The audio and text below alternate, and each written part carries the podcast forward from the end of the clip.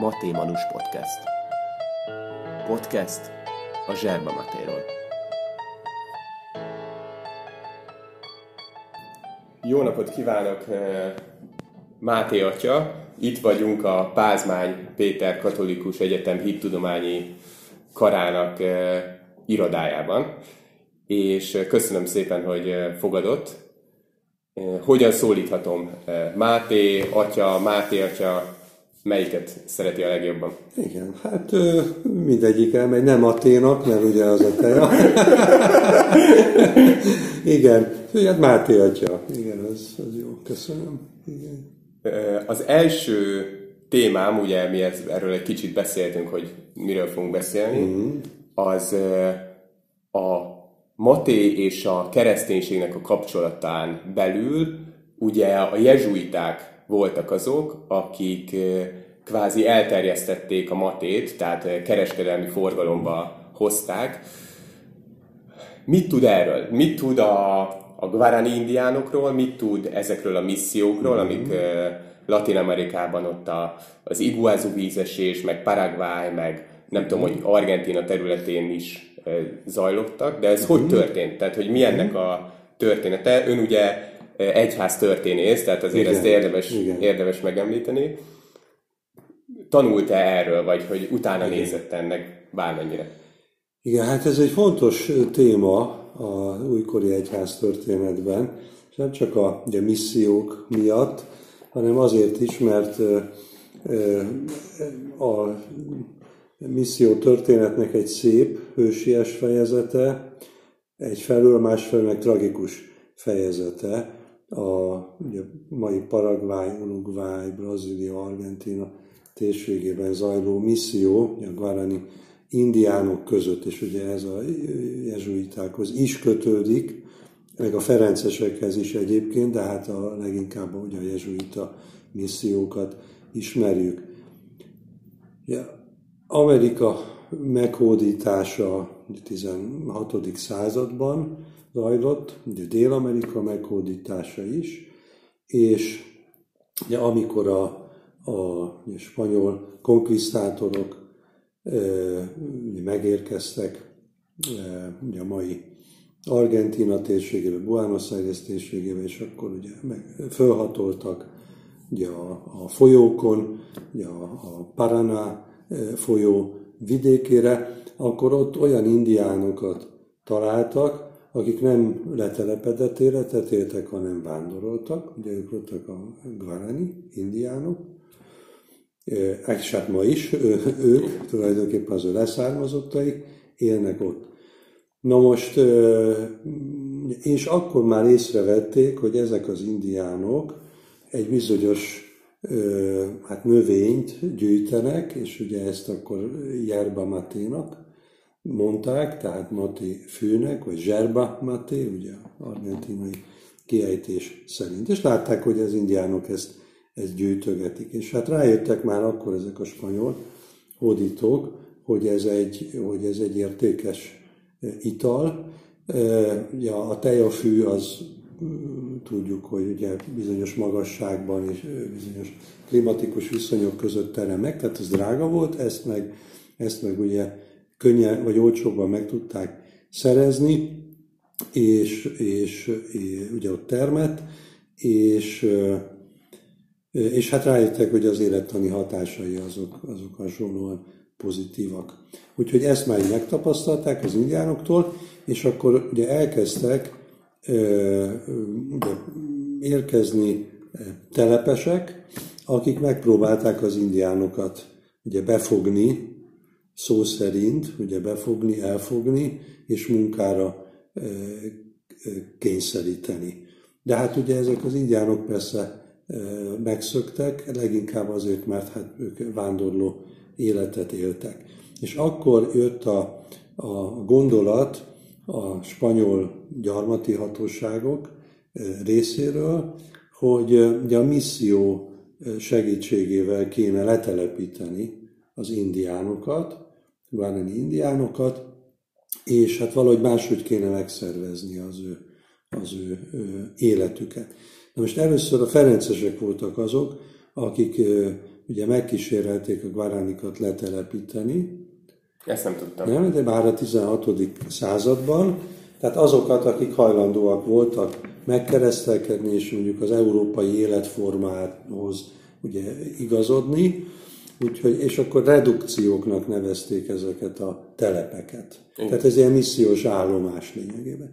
De ugye ezek ilyen első kezdeményezések voltak, és igazán azt nem mondanám, hogy, ne, sikertelenek voltak, de hát nagy tömegeket nem tudtak elérni ezek a, ezek a kezdeményezések. És utána érkeztek a jezsuiták, és a jezsuiták a, ugye a jó politikai kapcsolataik révén kiártak különböző kedvezményeket a, az ő missziós területüknek, aminek a lényege az volt, hogy a spanyol király saját fennhatósága alá vette ezt a területet, tehát a, ez a mai Paraguay, Uruguay térség, illetve hát Brazília, a Paraná államnak egy része. Ezt úgy kell érteni, hogy mint, tehát koronabirtokká tette. Uh-huh. És akkor a, megtiltották a, a telepeseknek, a gyarmati telepeseknek még a belépést is ebbe a térségbe. Most ezért a, ugye a, a jezsuiták azt vállalták, hogy az indiánokat letelepítik, gondozzák őket, ugye keresztény hitre nevelik, és megtanítják őket a földművelésre, kézművességre, és hát ez így zajlott is, uh-huh. ugye ezekben a úgynevezett redukciókban, missziós állomásokon, ugye a fénykorban a 150 ezer indiánt telepítettek le, így ilyen formában, vagy értek el. Szoktak jezsuita államról is beszélni, uh-huh. vagy guarani államról, uh-huh. mert lényegében ez tényleg egy autonómia volt.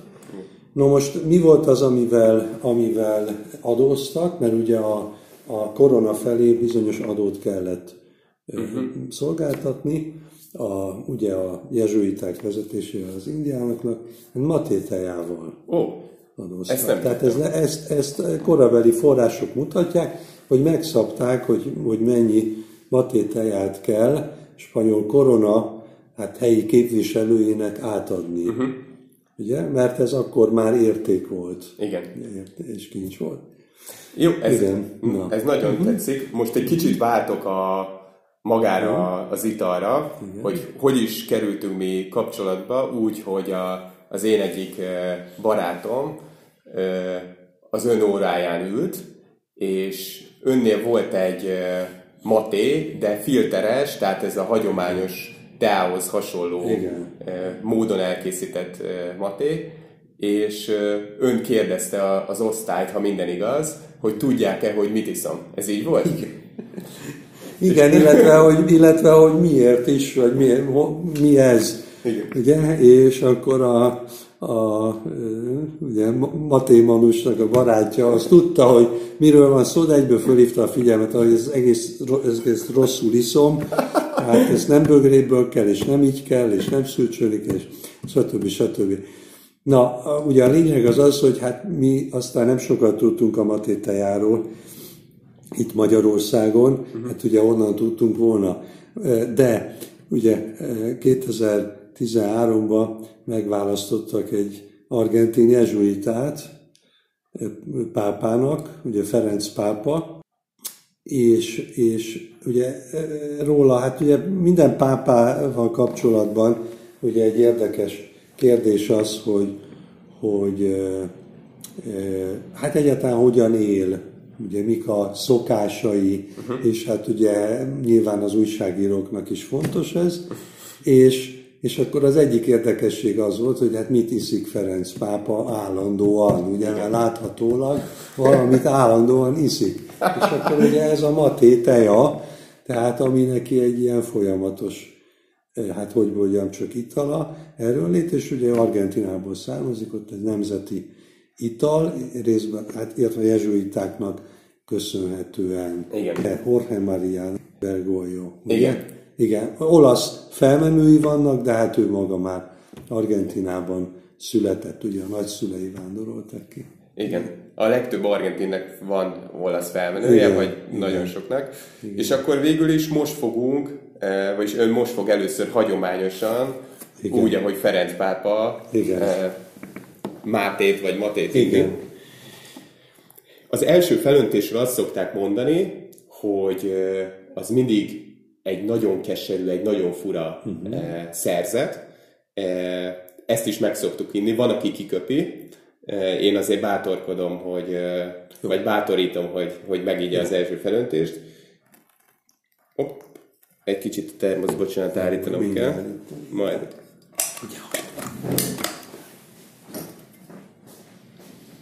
Ez csak víz. Ez csak víz. Hoztam többet, köszönöm. Valamiért nem jó szuper áll most ez. Mert nem akartam hozni a két literes. Jó. Mhm. Na, ez jó. És vigyázzon, mert egy kicsit meleg lesz, de ez ilyen 70 fokos Aha. körülbelül.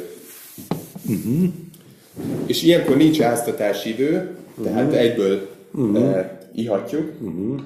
Én is töltöm magam, magamét. És ez igazából nem ilyen olyan, mint egy tea délután, tehát nem úgy isszuk általában a mátét, mint, a, mint mondjuk az angolok, hogy ücsörgünk, ott van, ott van mellettünk, hanem általában ez egy közösségi ital. Tehát mondjuk itt lennénk négyen, egy darab tök lenne, és azt adnánk körbe. Tehát mondjuk én lennék a házigazda, meginnám, föltölteném és adnám tovább.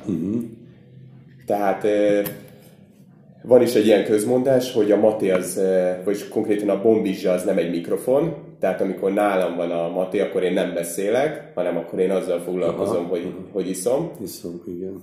És, És akkor ugyanazt használják, a, ugyanazt a szívószállat normál esetben? így van. Igen. Tehát Hát higiéniai, Nyilván nem, igen, de igen. Uh-huh. higiéniai szempontból eh, például egy amerikai, aki Mhm. talán a legérzékenyebb erre, ő frász kap attól, hogy, hogy egy többből isznak emberek. Igen. Egy európainál necces, egy dél-amerikai pedig még Igen. sokszor a korona idején is egy többből iszik.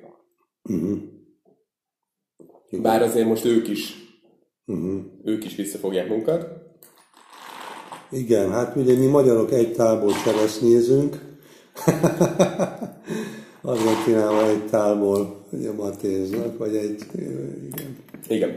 Ez egy argentin, ez egy argentin ö, növény, ezzel a kis szűrcsöléssel ö, jelezte nekem, hogy újra tölthetem. Ez, ez Gyorsan a, elfogy. igen, gyorsan elfogy, néhány szippantás, Igen. és utána beszélgetünk. Tehát leisszuk, ö, és beszélünk, és nekem kell azt figyelembe venni, hogy ha mondjuk itt lennénk négyen, akkor mikor érne újra önhöz a tök, és körülbelül annyi ideig várok, mondjuk egy felöntés után. Mivel ez az első felöntés, ez gyorsan újra töltöm. Igen, valóban egy kicsit keserű volt. Igen. De nem baj, én szeretem a...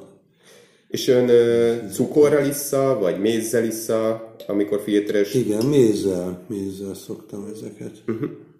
Igen, Argentinok 30%-a édesíti egyébként a, Aha. a mátét, igen.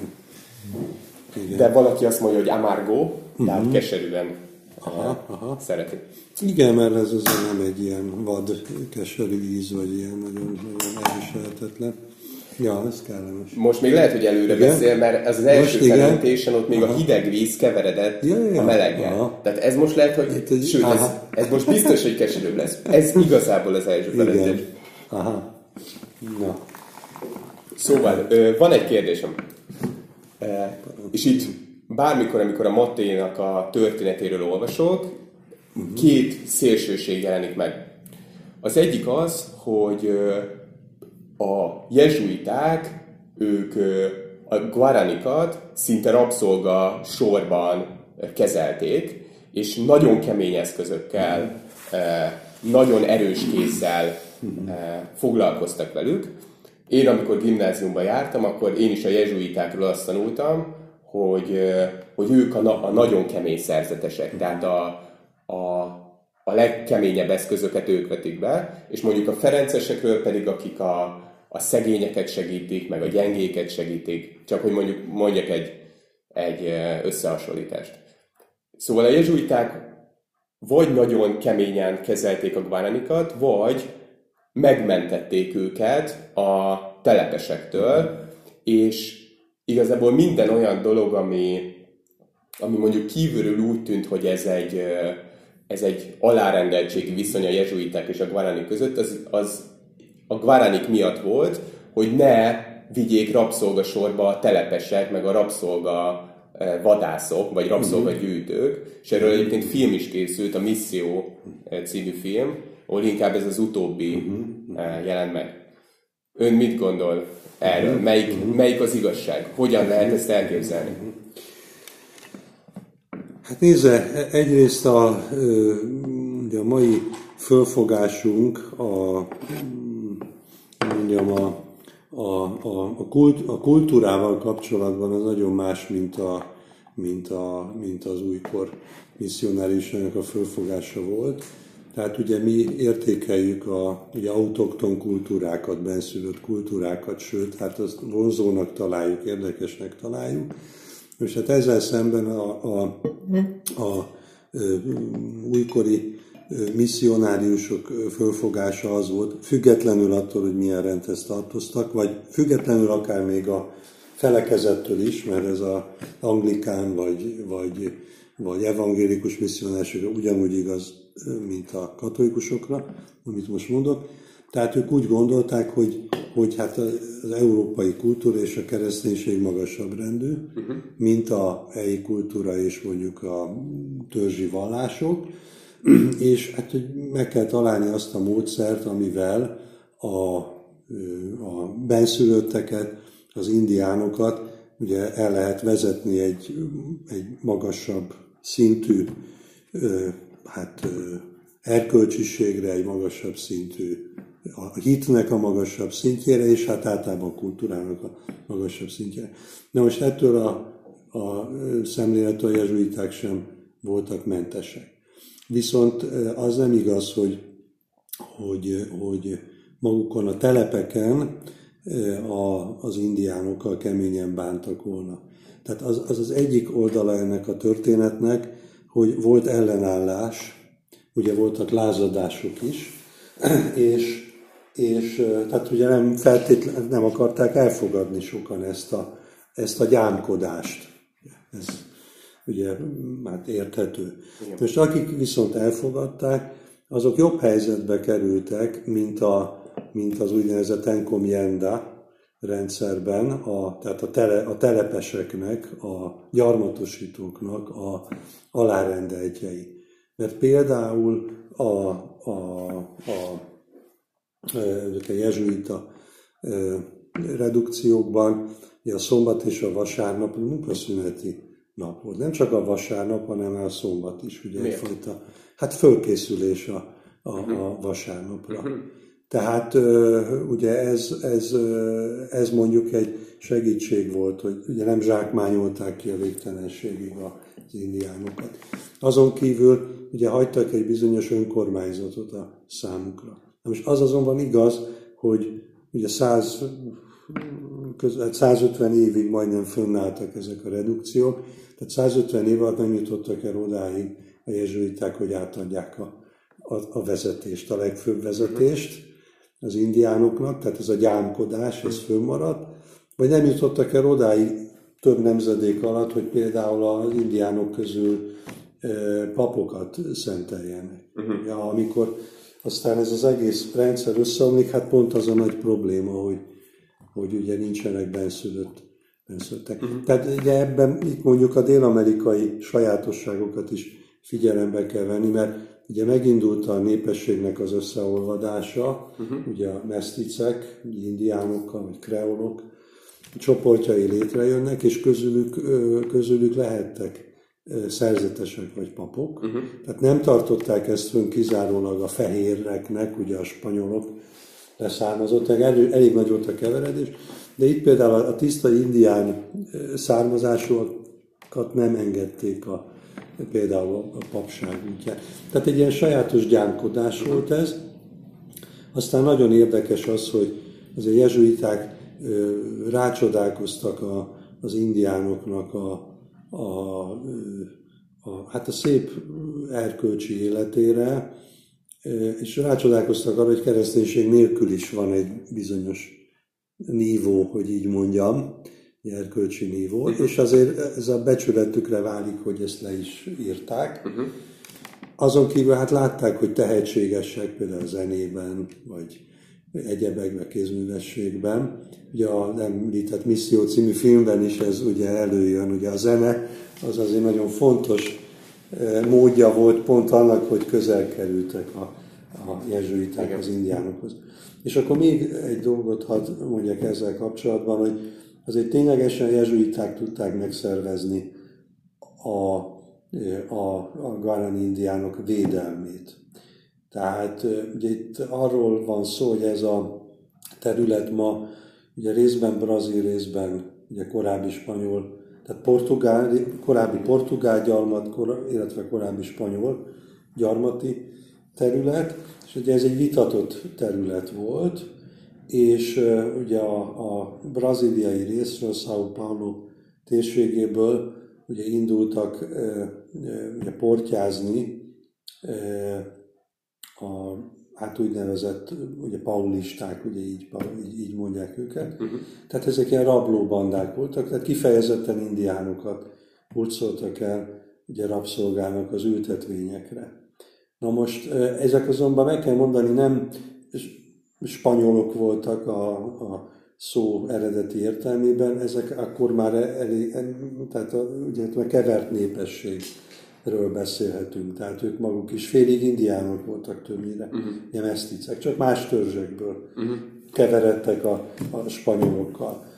És, és ugye e, itt az egyik probléma az volt, hogy az indiánok nem viselhettek fegyvert, a spanyol gyarmati kormányzat viszont nem tudta őket megvédeni, és akkor a jezsuiták kiárták azt, hogy, hogy az indiánoknak a spanyol uralkodó engedje meg, hogy önvédelemből fegyvereket, fegyvert használjanak. A jezsuiták megtanították őket a fegyverhasználatra, fegyvereket szereztek. Ez nagyon érdekes. Ugye egy ilyen, egy ilyen védelemre rendezkedtek be, ami azt kell mondani, hogy végül is további évtizedekre a redukcióknak a, a, a sorsát meghatározta az, hogy végül győztek is. Uh-huh.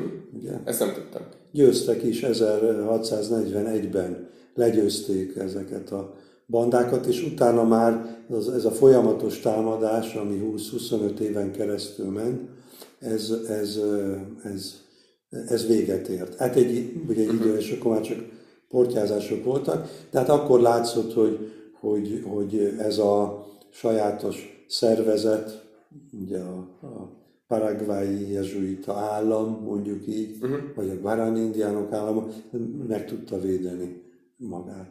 Aztán hát később a nagy politika szólt ebbe bele. Még mielőtt a, a végjátékhoz érnénk, elfogyott, elfogyott? Még nem szippantottam. Ez, ez viszont egy hiba. Igen, ezt most, akkor kellett volna? Igen, de nem baj, nem baj. Csak mondom, hogy most emiatt lehet, hogy még erősebb lesz, még Aha. keserűbb lesz.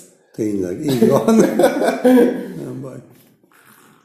De most majd a következőt már kérem hogy szépen, hogy, hogy, hogy figyeljen, mert hát akkor még, még lesz egy kis gasztronómiai értéke is a, a uh-huh. Máténak. Milyen, mennyire volt keserű?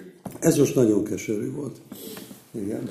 Erre nyugodtan egy, Igen, egy, egy sütit, igen. addig uh-huh. felvázolom a, a következő kérdést, meg a következő uh, szituációt, hogy uh, az is sok uh, tartalom, meg hír, meg matés uh, bejegyzés van arról, hogy uh, amikor meglátták a jezsuiták, hogy ezt a növényt uh, rákcsálják meg, meg leisszák róla a vizet az indiánok, akkor nem tartották egy jó dolognak.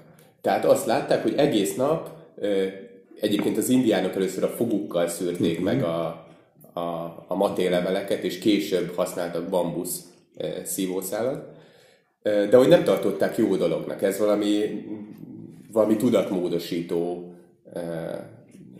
nak, vagy nem tudom, uh-huh. hogy minek nézték, és betiltották. Uh-huh. És azt mondták, hogy ti itt nem fogtok ilyen levelet inni, meg szülcsölgetni, és azt vették észre, hogy a munkakedvük hatalmasat csökkent az indiánoknak, lassabban épültek a, uh-huh. a redukciók, uh-huh. és nem voltak olyan boldogak, nem fütyűrésztek, és egyes helyeken még alkoholizáltak is. Tehát, hogy a, a Mátét ezt átvette az alkohol. És akkor azt mondták a jezsuiták, hogy na jó, akkor inkább így álltok a, a Mátét, mert látszik, hogy jobb a munka, jobb kedvetek van, és észrevették ennek a piaci lehetőségét is. És még azt is kitalálták, most így az első felöntésre visszatérve, hogy az első felöntést azt ki kell köpni, mert az az ördögtől való, de a többi az már jó. Tehát, hogy egy ilyen kompromisszumot vázoltak fel. Mi lehet ennek a, az oka? Mi lehet ennek az oka, hogy betiltották először?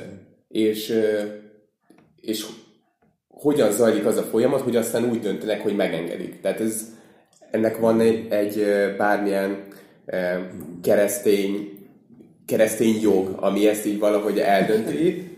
Vagy hát ezt... szerintem nyilván kipróbálták, és, és rájöttek maguk is, ugye, hogy, hogy, hogy miről van szó. Na most ezt így nem ismertem konkrétan, ezt a történetet, de el tudom képzelni. Tehát analógia alapján, ugye először a kávéval is ugyanez volt a helyzet Európában. Uh-huh. Tehát, hogy pápai rendelkezést írtotta be a kávét, mint az ördögi talát, uh-huh. ugye mert a törökök uh, hozták. És tehát e, nyilvánvaló, hogy van egy ilyen, hát vagy, egy félelem az újtól, uh-huh. az újdonságtól, aztán hát esetleg ugye rájönnek arra, hogy ez, hogy ez ugye nem egészen így, így van.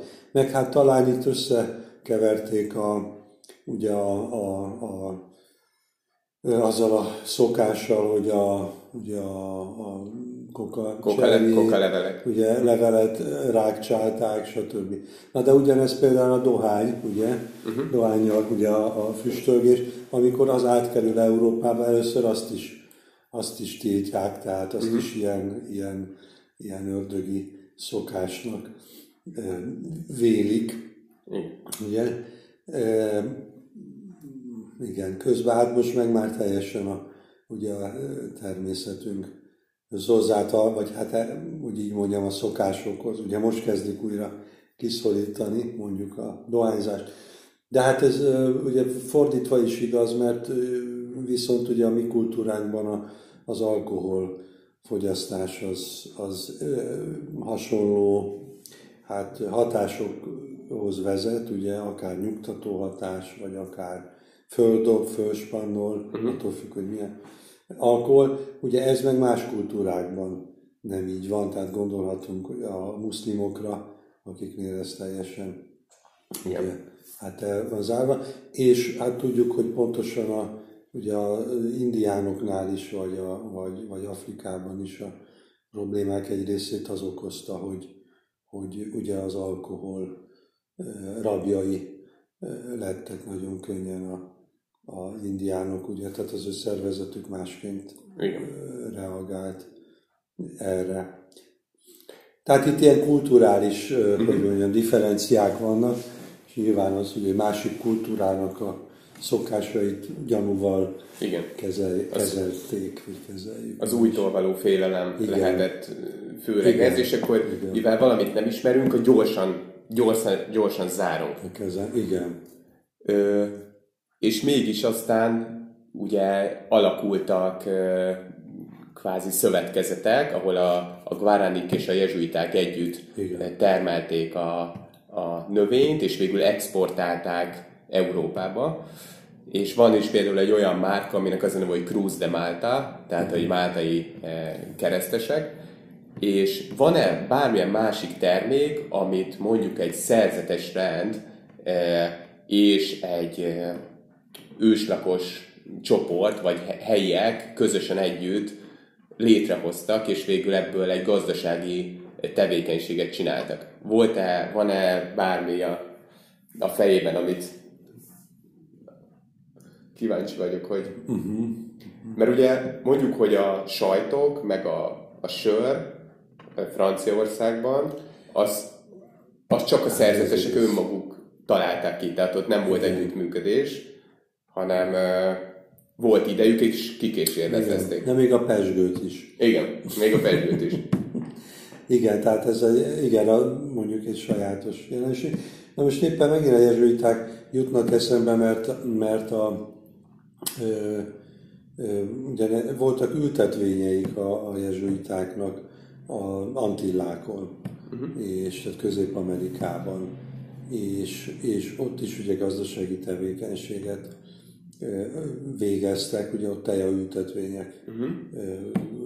voltak ezek, és egyébként ez aztán hozzájárult a jezsuita rend feloszlatásához, mert ott egy, egy jezsuita, hát mondjuk ilyen anyagi mahinációkba, pénzügyi mahinációkba kezdett, és pontosan ott az ültetvények körül, vagy azoknak az anyagi javai hát képezték a tárgyát ezeknek a visszaéléseknek.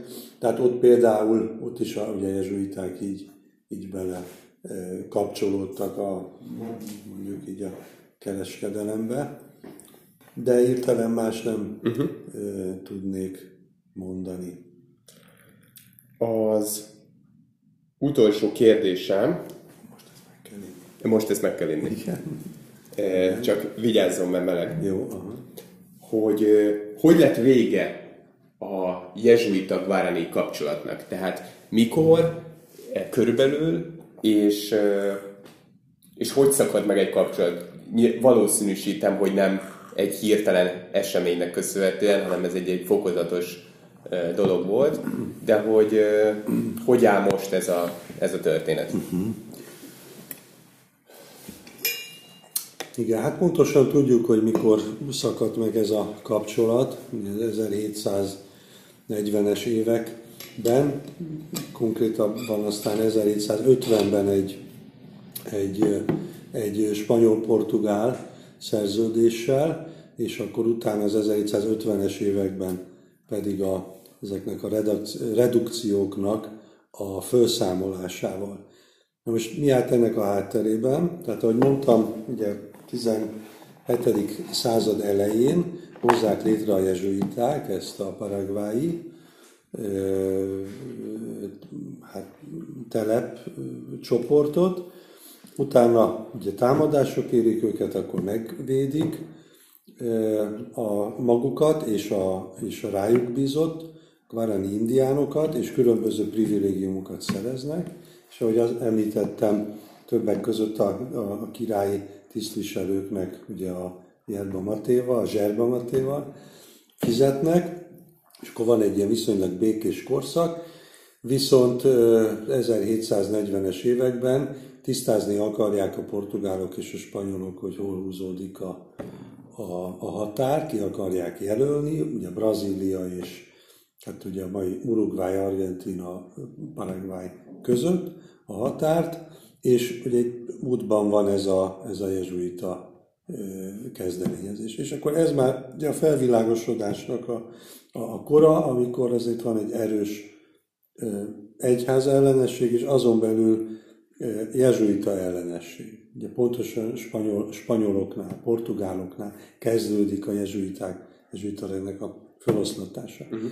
Úgyhogy itt két legyet ütnek egy csapásra, tehát egyrészt elosztják ezeket a területeket, és megszabadulnak a jezsuitáktól, és ugye az történik, hogy a jezsuiták ellenállnak, tehát nem akarják a garanikat elhagyni, akkor ugye a Szentszék, ugye a pápaság az a, a nagyhatalmak mellé áll, és akkor, akkor ugye kötelezik a jezsuitákat, hogy távozzanak ebből a térségből. Most a garanik még küzdenek önállóságukért, de hát aztán itt ugye végül is ugye, hát államok jönnek létre, részben ugye Guarani lakossággal, hát Paraguayban, ha jól tudom, most is a egyik hivatalos nyelv a Guarani nyelv, tehát ott a, ott a, a lakosság jelentős része ehhez a közösséghez tartozik. Most nem ér véget ez a történet,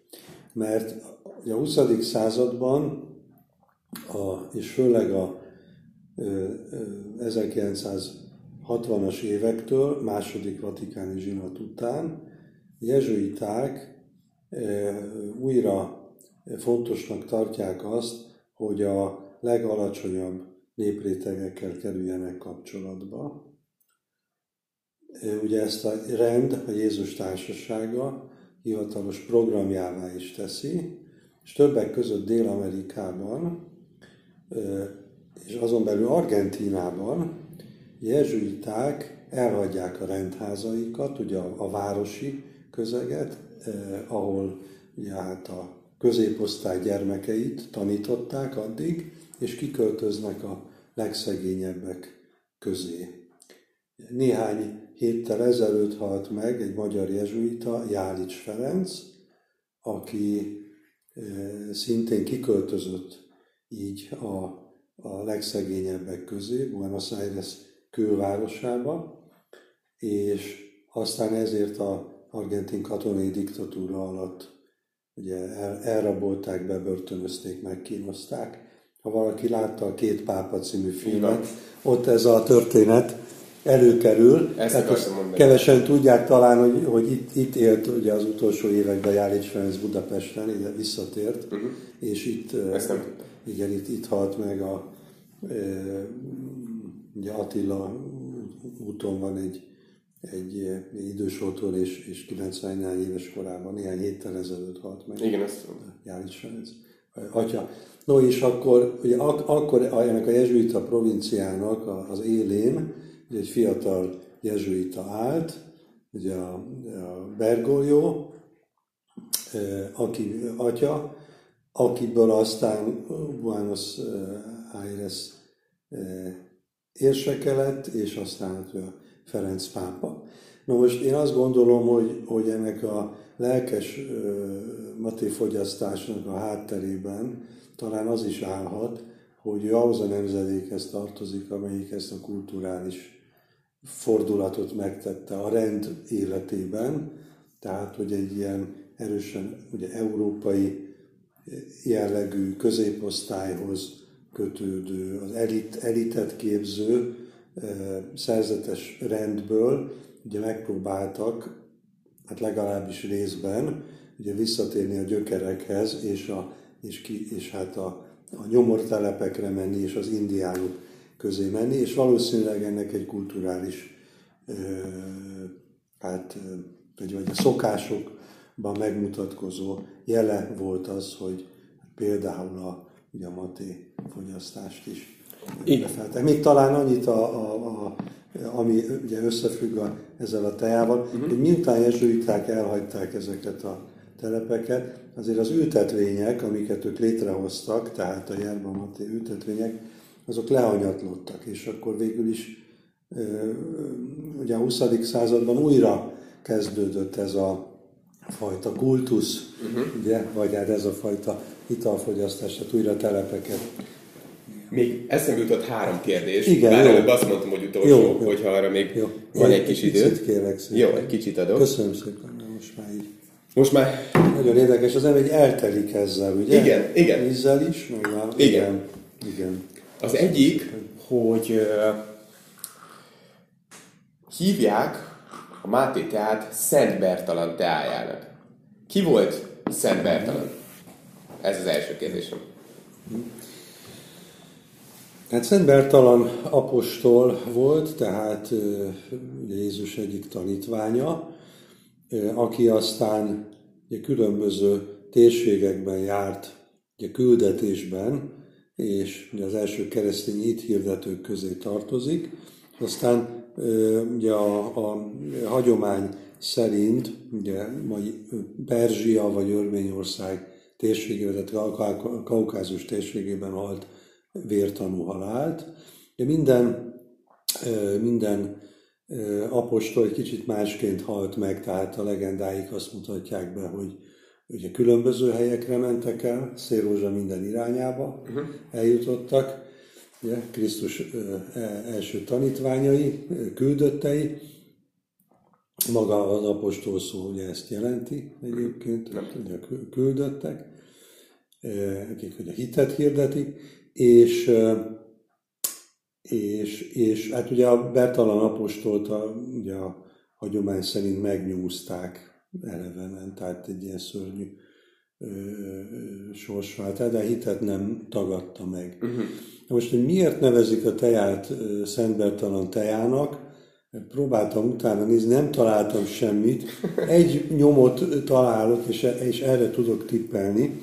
Ugye a középkorban az a szokás alakult ki, hogy a különböző betegségekben szenvedők választottak maguknak védőszentet. Tehát úgy, ahogy a egyes foglalkozási ágaknak is megvolt a védőszentje, aztán ugye a, a keresztneveink is a ugye védőszentre utalnak, uh-huh. tehát így a betegségek esetében is így, így történt ez, és a Szent Bertalant a, az idegi problémáknak a, a védőszentjeként uh-huh. tekintették. Uh-huh. Tehát ideges nyugtalanság és, és ilyen, ilyen egyéb dolgok. Tehát lehet, hogy ezzel függ ez, függ ez össze, és mi azt is tudjuk, hogy bizonyos betegségek esetében tényleg kimutatható a, a, a, ugye a matétejának a jó hatása, pozitív hatása. Tehát például a jezsuiták azt, ezt is észrevették, hogy a, hogy a skorbut nevű betegség, ami azt hiszem, ami hiány... Igen, a C-vitamin hiány. Igen, hiány betegség. És ebben meg van C. Igen, hogy ugye fogyasztják a, fogyasztják a, a, a matét az indiánok, és, és akik ezt isszák, azok nem lesznek sorbutosak. Tehát, hogy el tudom képzelni, hogy valami ilyen háttere uh-huh. lehet ennek, de konkrétat nem tudnék mondani. Ez jó. Uh-huh. A másik kérdésem, hogy ez egy kicsit fantáziát igényel ez a, uh-huh. a válasz, hogy jelen pillanatban, ha mondjuk a paulisták vagy a brazilok megtámadnák a guaranikat, és ott lennének mellettük a jezsuiták, akkor most is önvédelem lenne a, a föntről jövő utasítás, vagy inkább azt mondanák a jezsuitáknak, hogy ne fegyvert szerezzetek, hanem próbáljátok meg őket szeretni, akik megtámadnak titeket. Vagy más lenne a, a cselekvés. Vagy ugyanúgy önvédelem lenne. Uh-huh. Mi, a, mi a véleménye? Hát az önvédelemre joga van az egyénnek is, és joga van a, a közösségnek is. Tehát ebben az egyházi tanítás nem változott. Legfeljebb annyiba strukturálódott az egyházi tanítás, épp nem rég, ugye második János Pál alatt, hogy ugye azért azt lehet látni, hogy, hogy ugye a háborúk indításának az okai azok mindig eléggé szofisztikáltak, tehát mindig úgy vannak megfogalmazva, hogy aki indítja a háborút, az is úgy adja el a háború indítását, mintha, mintha ugye, igen, mintha ő csak visszaütne, ugye, tehát, hogy, hogy ugye ez a katolikus tanításban egy manapság egy, ugye egy nagy kérdés, hogy hogyan lehet megvizsgálni valóban azt, hogy, hogy jogos legyen ez a, ez a védekezés. Na most nagyon érdekes, hogy Dél-Amerikában az 1960-as évektől kialakult egy sajátos teológiai irányzat, felszabadítás teológiája, uh-huh.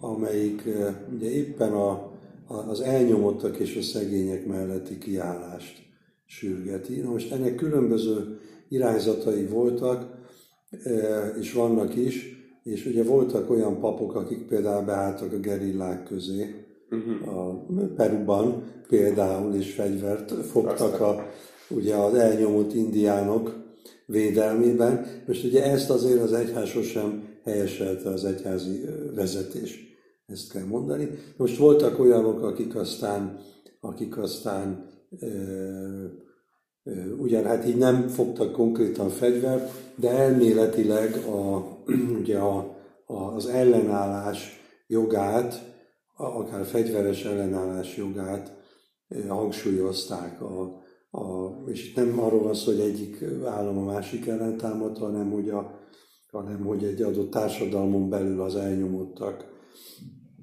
hát ugye akár fejforradalom útján is megszerzik a hatalmat. Most érdekes, hogy ilyen nézeteket nem annyira jezsuiták képviseltek, hanem domonkosok és ferencesek. Uh-huh. Például Brazíliában, Peruban. Uh-huh.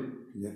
No most, és ennek, egy, ennek a felszabadítás teológiának egy ilyen finomabb változata alakult ki Argentínában, jezsuita közegben, ezt a nép teológiájának mondják, vagy népi teológia, teológia de pueblo nép teológiája. Tehát ami azt, amelyik azt hát, próbálta keresni, hogy hogyan lehet az egyházat újra, hogy mondjam, csak a, a, a néphez visszavinni, és akkor itt nagyon fontos a népi vallásosságnak a újra értékelése, nagyon fontos a egyszerű szentírás magyarázat, ugye mindig Jézusra kell rámutatni, és a szociális igazságtalanságok elleni küzdelem. És ehhez az irányzathoz tartozik Ferenc pápa. Uh-huh.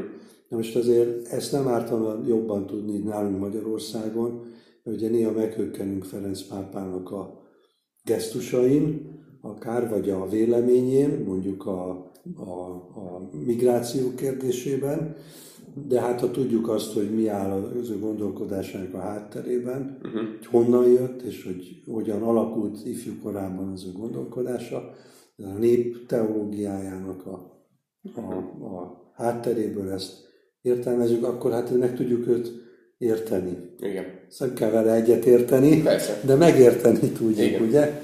Hát, hogy, hogy, hogy miért így gondolkodik. Mm. És az utolsó kérdés pedig már tényleg, hogy jön Ferenc pápa Magyarországra, és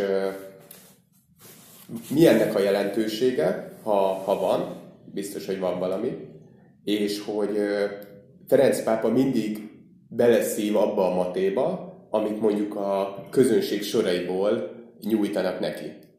Nyilván ez Covid előtti. És van-e nekem esélyem arra, hogy Ferenc pápa az én maténból jön? Hát először erre az utóbbira válaszol szerintem van, mert ugye Ferenc pápa szereti ilyen, meglepő uh, helyzeteket, ugye akár például tudom én, fölhív valakit telefonon, és akkor uh-huh. Aki esetleg írt neki, és valahogy, valahogy ugye megszerzi a telefonszámot, és akkor beszélget vele is. Tehát éppen erre, éppen erre uh-huh. még, még esély is, esély is lehet. De most ami a pápa ö, látogatását illeti, hát ez a, a eukarisztikus kongresszushoz kapcsolódik. Itt egy nemzetközi kongresszust, egy ilyen fiesta-szerű kongresszust képzeltek el eredetileg tavalyi évre, amit elsodort a járvány, Igen. és hát áthelyezték egy évvel későbbre. Na most az már, hát most látszik, hogy ez olyan értelemben nem lesz nemzetközi, ahogy ezt elképzelték, tehát, hogy itt őszre, ha valamennyire nyugalom is lesz, hát itt sokan nem fognak eljönni, akik tavaly normál körülmények között eljöttek volna. Igen. Tehát ez főleg a mi magyar, magyarországi egyházunk, egyházi közösségünknek fog szólni. Uh-huh. Ez a, ez a hát, kongresszus. Már megjegyzem, ez nem meglepő, mert az előző budapesti kongresszus ugyanígy, ugyanígy járt 1938-ban, csak hát akkor a politikai körülmények, ugye a, a ugye Hitler előre törése, Ausztria csatlakozása az Anschluss voltak azok, amik, amik hát tulajdonképpen a nagy nemzetközi érdeklődést leblokkolták. Tehát most meg ugye itt van ez a járvány. Na most ami a pápának a bejelentését illeti, amit meglepetést okozott, ugye ezt, a, ezt éppen Irakból haza felé jövet a, a repülőn jelentette be, ennek szerintem az a jelentősége, hogy, hogy a pápa belátta, vagy hát a tanácsadói hát rávezették arra, hogyha még meg, akarja ment, meg akar menteni valamit ebből a ebből az eukarisztikus kongresszusból, akkor emelni kell a tétet, uh-huh. és akkor hát akkor el, akkor, az, akkor el kell jönni. Igen. Ugye legalább erre az alkalomra, tehát a misére. Így van. Ugye el kell. A hősök terére. A hősök terére. Így van. Így van, így van. Jó, hát én megteszek majd mindent, hogy ígyon a, a matémból, megpróbálom. Igen. Köszönöm szépen a, az interjút, meg a közös matézást. Hát én köszönöm a beavatási szertartást. Sziasztok! Köszönöm szépen!